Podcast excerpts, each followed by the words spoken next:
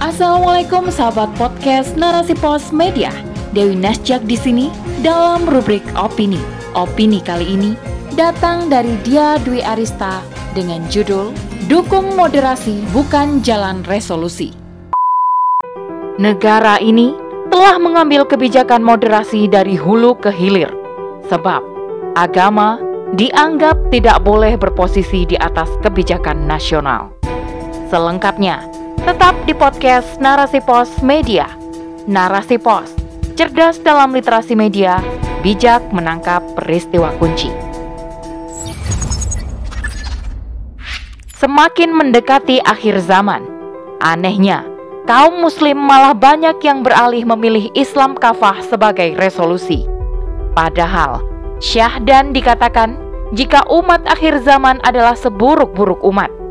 Padahal Islam kafah sangat berbahaya bagi eksistensi kedikdayaan para bangsa kolonial.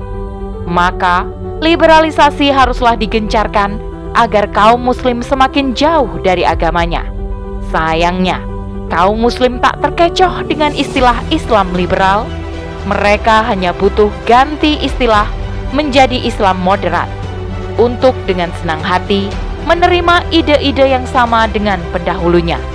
Bukankah mudah untuk mengelabui kaum muslimin? Padahal dulu kaum kafir mati-matian menciptakan segala uslub agar pikiran kaum muslim teracuni. Ternyata kuncinya hanya ada pada khilafah.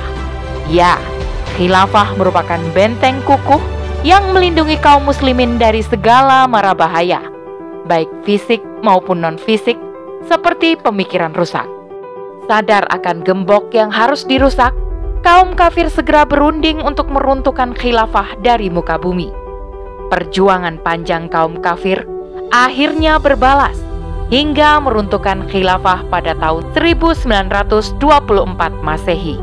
Dan pada saat itu, benteng terakhir kaum muslim telah lenyap. Tak ada lagi institusi yang berjuang demi salihnya kaum muslim. Saat ini, Baru kita sadar, ternyata tidak mempunyai negara seakidah bagai hidup memegang bara api. Mati segan, hidup tak mau. Sistem kapitalisme yang dipaksakan menjadi aturan akhirnya menjadi malapetaka tak hanya dalam urusan agama, namun berbagai aspek kehidupan seperti tercampur racun. Ekonomi rusak, moral hancur, politik rusuh, korupsi marak, kejahatan, apalagi. Namun sayangnya, hati bagai telah membatu. Kerusakan di depan mata, nyatanya yang dikambing hitamkan malah syariat Islam.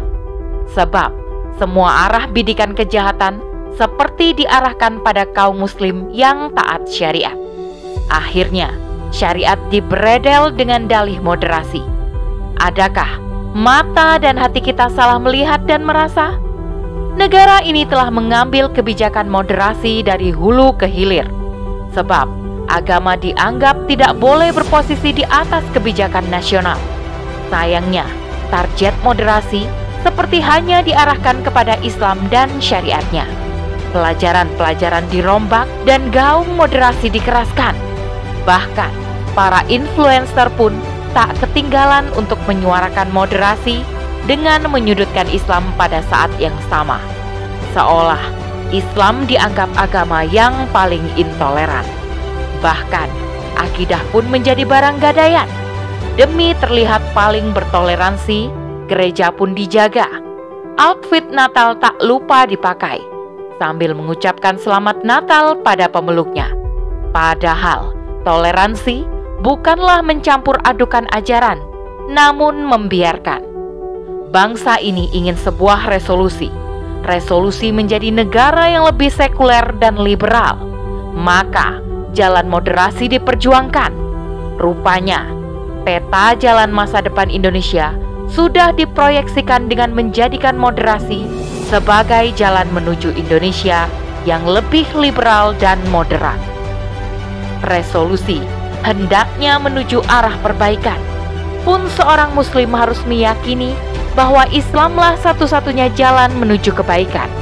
Namun, agaknya mereka tak paham. Hidup bebas dan bergelimang harta dianggap sebagai sandaran.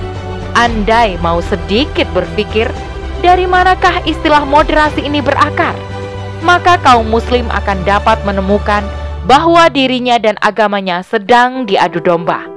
Menjadikan Al-Baqarah ayat 143 sebagai dalil moderasi, sungguh adalah pemikiran dangkal. Islam jelas telah memiliki segala perangkat dalam memaknai ayat Al-Quran. Para ulama muktabar telah menjelaskan istilah ummatan wasaton dengan gamblang.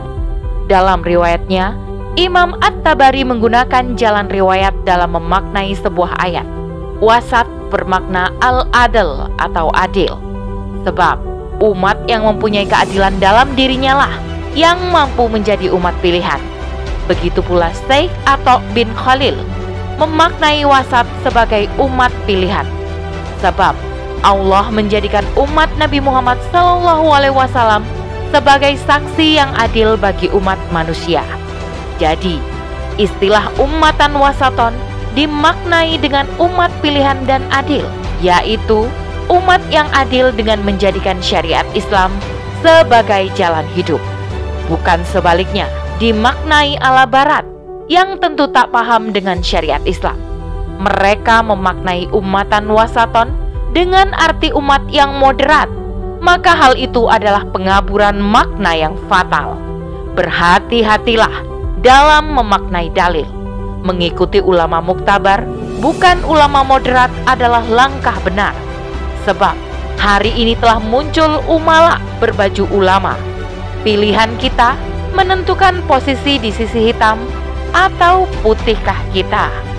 Wallahu a'lam bishawab. Demikian rubrik opini kali ini. Sampai bertemu di rubrik opini selanjutnya. Saya Dewi Nasyak undur diri. Afu minkum wassalamualaikum warahmatullahi wabarakatuh.